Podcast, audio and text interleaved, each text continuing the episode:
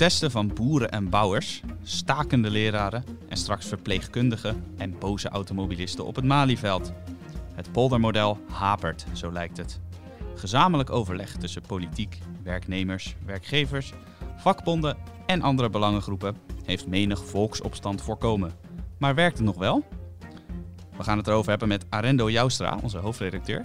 In de podcast Non Solus praten we iedere week, of bijna iedere week, over wat hem bezighoudt of is opgevallen. Mijn naam is Matthijs van Schie. Goed dat u weer luistert naar een nieuwe podcast van Els Weekblad. Arendo, welkom. Hallo. De ene na de andere groep gaat uh, uit protest het Malieveld op de laatste tijd. Wat zegt dat?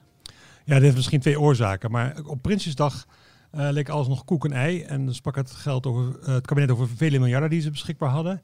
En de glazen koets stond nog niet in de koninklijke stallen of um, ja, de protesten braken los. En het heeft wel iets met iets te maken. Het heeft wel, een reden. En dat komt omdat voorheen, alle decennia hiervoor, uh, sprak het uh, kabinet uitvoerig met de, de, leiders van bijvoorbeeld vakbeweging, maatschappelijke organisaties en ook wel met de werkgevers. En, en, die, en die bonden en die werkgeversorganisaties en die andere clubs, die lijken eigenlijk geen, niet meer gesteund te worden door een achterban. Die achterbannen die zijn zichzelf aan het organiseren. Dus het kabinet denkt aan afspraken gemaakt te hebben met de organisaties, bijvoorbeeld met de boeren of met de, met de, met de bouwwerkers of met de verpleegkundigen of met de leraren. En dan, nou, denken ze alles is, uh, is koek en ei. En dan krijg je toch protesten van, van aanhangers van, van, die, van die groeperingen. En dan blijken eigenlijk die clubs die op landelijk niveau eigenlijk niet uh, vertegen, zich vertegenwoordigd te voelen door, die, door, die, uh, uh, door de bestuurders van het landelijk niveau. Mm-hmm. Ja, je hebt het over die officiële clubs. Dan kun je bijvoorbeeld denken aan uh, de werkgeversorganisatie, VNO-NCW, of LTO voor Land- en Tuinbouw. Die worden gepasseerd. waar komt dat bijvoorbeeld door? Heeft social media daarmee te maken? Nou, het komt ook wel iets, iets grappigs. Namelijk als je in Nederland zegt dat, dat er een crisis is, we moeten de, moeten de boekriem aanhalen, de broekriem aanhalen, dan, dan zijn Nederlanders daartoe wel bereid. Ja. Maar als je natuurlijk op Prinsjesdag gaat, zeggen dat er genoeg geld is, dan ruiken mensen ook het geld en dan denken ze, nou ja, er is blijkbaar geld te halen. En dan nemen ze natuurlijk niet genoegen, uh, geen genoegen met de eerste 100 miljoen of 200 miljoen, dan willen ze meer. Dus uh, bij een crisis broekriem aanhalen, oké. Okay, maar als je zegt er is geld, dan willen ze altijd meer. Dat is één. Maar geld halen, ja, dan onderbreek je gelijk even. Want uh, de boeren die kwamen bijvoorbeeld, uh, en de bouwers ook, die kwamen naar het Malieveld vooral om te protesteren tegen allerlei regels. De stikstof, de, de PFAS. Dus dat lijkt niet direct zo te zijn dat zij op geld uit waren. Nee, maar, maar, maar, maar de oorzaak is hetzelfde. Uh, de, de, het kabinet, ministers denken afspraken te hebben gemaakt op lang niveau met leiders van die organisatie. En dan als puntje bij paaltje komt, dan blijkt de aanhang van die, van die organisaties daar niet mee eens te zijn. Mm-hmm. Inderdaad, niet alleen voor het geld, maar ook omdat er afspraken worden gemaakt die er niet gesteund worden, eigenlijk door de leden van, van, die, van, van, die, van die clubs. Bovendien wordt het natuurlijk ook erg makkelijk tegenwoordig om jezelf te organiseren. Ja. Via Facebook kan je natuurlijk heel makkelijk uh, elkaar, uh, elkaar uh, activeren. Ja, je, je had meerdere groepen, bijvoorbeeld de Farmers Defence Force van de boeren. je had PO in actie van de leraren, Grond in verzet van de bouwers inderdaad allemaal spontaan opgerichte groepen. Um, nou was wel bijvoorbeeld Hans de Boer van VNO-NCW, die was wel aanwezig bij het bouwprotest. Uh, dus blijkbaar is hij toch ook niet helemaal gepasseerd. Nee, want dan, maar dat was ook een beetje om, om, om ook weer uh, van, van die bouwprotest. Dat was ook iets, misschien iets meer, ook nog met landelijke organisatie. Maar hij wordt in Den Haag niet meer helemaal serieus genomen. Mm-hmm. Uh, de VNO-NCW heeft zich hand een beetje overspeeld met de, met de dividendbelasting. Ja. En je merkt gewoon aan, aan, aan, aan werkgeversclub, niet alleen VNO-NCW, dat ze eigenlijk niet meer zo welkom zijn bij Kamerleden om te lobbyen. Ze hebben, hè, eigenlijk zegt, zegt de Kamer en ook wel de regering, we hebben even genoeg van jullie. Ja, nou hebben heel veel van uh, deze protesten, of in ieder geval twee belangrijke, de bouwers en de boeren, uh, te maken met de stikstofcrisis. Dat was volgens premier Rutte de ergste crisis in zijn negen jaar als premier. Zelfs erger dan bijvoorbeeld MH17 of de vluchtelingencrisis. Uh, snap jij dat hij dat zegt? Dat is een beetje een ander, ander onderwerp, maar we hadden het over de, de polder die hapert. Ja. Maar dit, dit vind ik een beetje een onge, ongepaste vergelijking, omdat uh, de vluchtelingencrisis ging over mensen van vlees en bloed. Uh, mensen die naartoe komen uit nood, kan je alles van vinden. Uh, maar dat kan je toch moeilijk vergelijken met, met een soort papiercrisis die ze nu aan het oplossen zijn. Want uh, of het nou gaat op PFAS, PFAS of, of stikstof en misschien zelfs CO2. Uh, dat is niet in directe crisis. Dan doe je iets voor, voor de hele lange termijn. Ja. Dan kan je langer meer de tijd voor nemen, betere maatregelen nemen. Maar dit was natuurlijk paniekvoetbal. In mei had het de Raad van State al zich uitgesproken over de stikstof. En, en nu zijn we zes maanden later, zeven maanden later. En dan komt het kabinet pas met maatregelen. En dan is het paniekvoetbal om eens de, op, opeens de, de, de snelheid van auto's van, van 130 naar 100 te halen. Daar kan je allerlei goede redenen voor verzinnen om die snelheid te verlagen.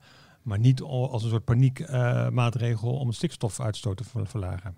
Precies, nou uh, dat de polder vaker wordt gepasseerd de laatste tijd, dat, dat zagen we eigenlijk ook woensdag toen het kabinet, premier Rutte, de ministers van Veldhoven, sorry, de ministers van Nieuwhuizen en Schouten en de staatssecretaris van Veldhoven met een noodpakket kwamen.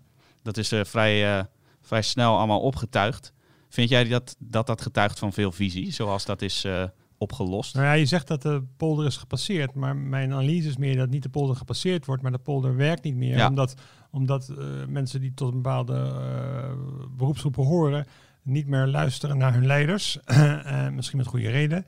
En die leiders dus ook niet meer die groepen uh, vertegenwoordigen. Nee, en dan heb je ook nog gelijk als je zegt van is dat een goede manier? Nee, want als je een half jaar de tijd hebt om grondig iets door te spreken en dan moet je dat met al die groeperingen doen, dan moet je, dan is dat, moet je daar de tijd voor nemen. Zo werkt dat in Nederland. Dus dat is niet iets van de laatste jaren, maar al vier eeuwen uh, uh, wordt hier in Nederland gepolderd. Je praat met de betrokkenen en dan kom je tot een goed besluit. En nu ging men pas, na het besluit bekend was gemaakt, ging men pas lunchen geloof ik in het katshuis. Dus dan draai je de zaken om. Eerst praten en dan besluit afkondigen. En niet eerst besluit afkondigen en dan praten. Dat, op, hè, dat kan nu een keer goed gaan. Dat gaat volgens mij niet goed. Maar op de lange termijn is dat niet hoe in Nederland zaken worden gedaan. En niet alleen, hè, dat, nogmaals, dat doen we zo, doen het al 400 jaar. En het is een beetje raar om nu opeens van af te, af te stappen. Tenzij je echt een noodcrisis hebt. Maar dit is er niet, want het is een papieren crisis die op termijn moet worden opgelost. Precies, nou, nog zo'n uh, papieren crisis, althans, dat, dat zou je een uh, papieren crisis kunnen noemen, is natuurlijk uh, het, het klimaat. Uh, dat is eigenlijk de laatste keer, het klimaatakkoord, dat de, dat de polder echt in uh, volle kracht eigenlijk bij elkaar kwam en tot iets groots kwam, tot een grote beslissing. Uh, denk je dat zo'n uh, soort akkoord in de, in de nabije toekomst nog gesloten kan gaan worden? Of denk je dat het nu vooral van crisis naar crisis met korte termijn maatregelen moet gaan gebeuren? Nou, je hoopt natuurlijk dat, dat een, een kabinet maar ook anderen uh, kiezen voor de methode die altijd gewerkt heeft in Nederland. En dat is namelijk met elkaar er zien uit te komen, rond de tafel gaan zitten. Uh, en niet op deze manier, want dat uh, leidt tot ongelukken, dat leidt tot onvrede, dat leidt tot veel gedoe.